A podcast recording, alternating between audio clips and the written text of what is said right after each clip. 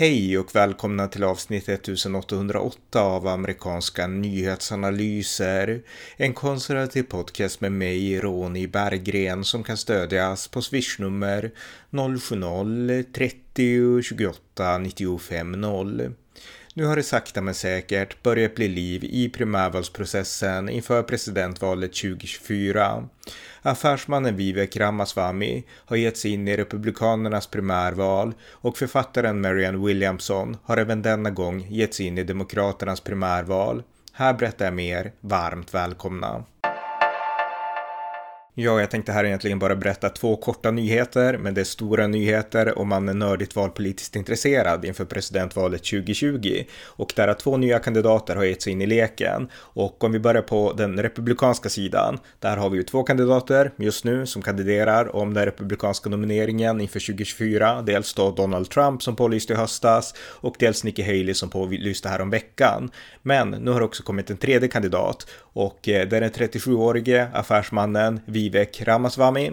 Han eh, har indisk bakgrund, hans föräldrar kommer från Indien. Han har arbetat som riskkapitalist och eh, eh arbetat mycket med affärer och 2021 så skrev han en bok som heter Woke Incorporated Inside Corporate America's Social Justice Scam och eh, den här boken handlar alltså som titeln beskriver om woke-rörelsen och hur Amerika är påverkat av en woke-kultur.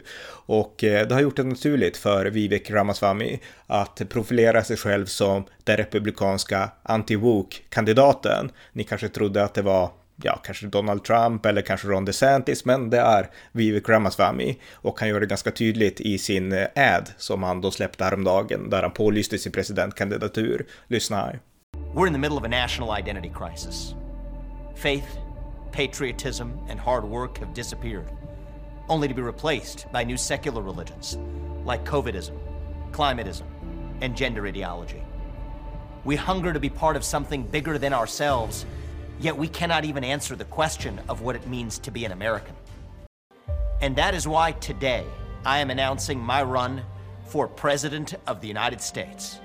Så det var ett kort klipp från Vivek eh, Ramaswamy Ramaswamys där han då pålyste sin presidentkandidatur och han är som sagt då den tredje republikanska kandidaten. Är han ett hot mot Donald Trump och Nikki Haley? De flesta bedömer att han inte är det, men om det är någonting vi har lärt oss, inte minst av Donald Trump och även av Barack Obama ska sägas, så är det att man inte kan ta något för givet när det kommer till amerikansk valpolitik och vem som helst har egentligen en chans att vinna och det är ju det som gör amerikansk politik så coolt och så spännande.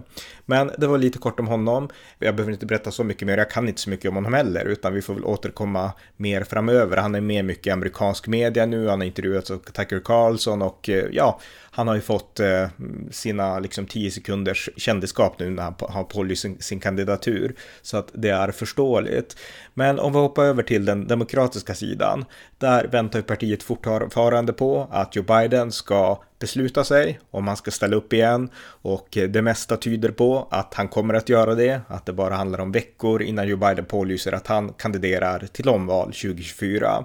Så att det här har gjort att inga demokratiska rivaler har utmanat Biden. Men nu har det kommit en och det är den 70-åriga författaren Marianne Williamson och om hennes, hennes namn låter bekant så beror det på att han, hon kandiderade också i, i, i Demokraternas primärval 2020. Jag gjorde en lång eh, poddserie om det valet, 150 avsnitt eller någonting där jag berättar om Marianne Williamson ganska ofta.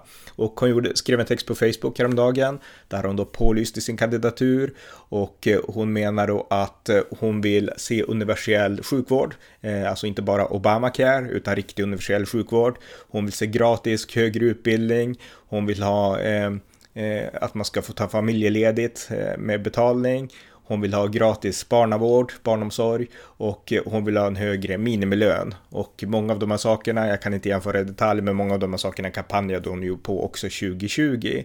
Så att hon pålyste sin presidentkandidatur utifrån de, utifrån de ståndpunkterna. Och eftersom det nu är så att eh, Biden förmodligen kommer att ställa upp igen så är det det som DNC, det demokratiska partiets nationalkommitté, är inställda på. Så att de kommer inte att anordna några primärvalsdebatter, åtminstone inte om Biden väljer att ställa upp.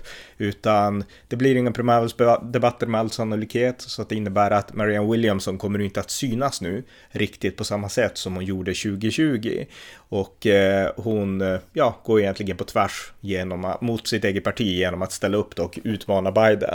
Men i praktiken spelar det ingen roll därför att hon kommer inte att vinna nomineringen. Hon kommer absolut inte att peta ner Joe Biden från hans ställning som president eller som demokraternas kandidat. Så att hon ännu mer än Vivek Ramaswamy är på något sätt en sidonotis i det här stora politiska spelet som pågår.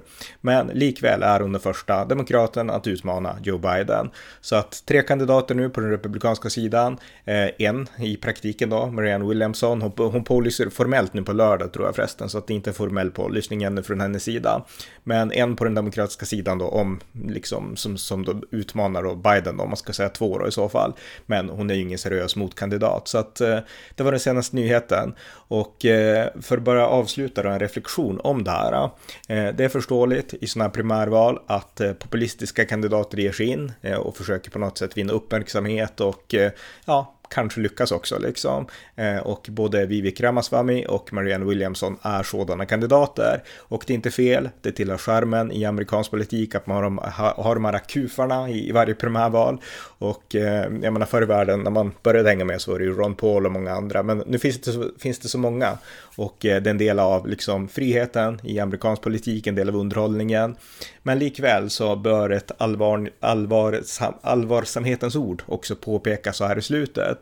Och det är ändå så att eh, vi lever i allvarliga tider med Rysslands krig i Ukraina, med ett stort eh, säkerhetspolitiskt läge som är i gungning på ett sätt som det inte har varit i modern tid, med Kina, med radikal islam och andra, andra saker.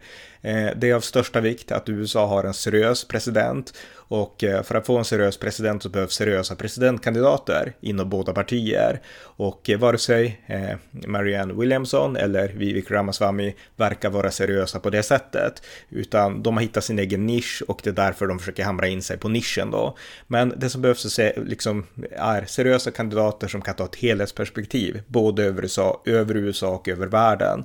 Och det är väl där som det fortfarande finns mycket att önska på, på kandidaterna, både de som finns nu och de som förhoppningsvis ger sig in i leken. Nikki Haley är den mest seriösa, hon förstår USA, hon förstår världspolitik anser jag. Donald Trump, han förstår väl egentligen, men han spelar ju på de här populistiska strängarna lite för mycket.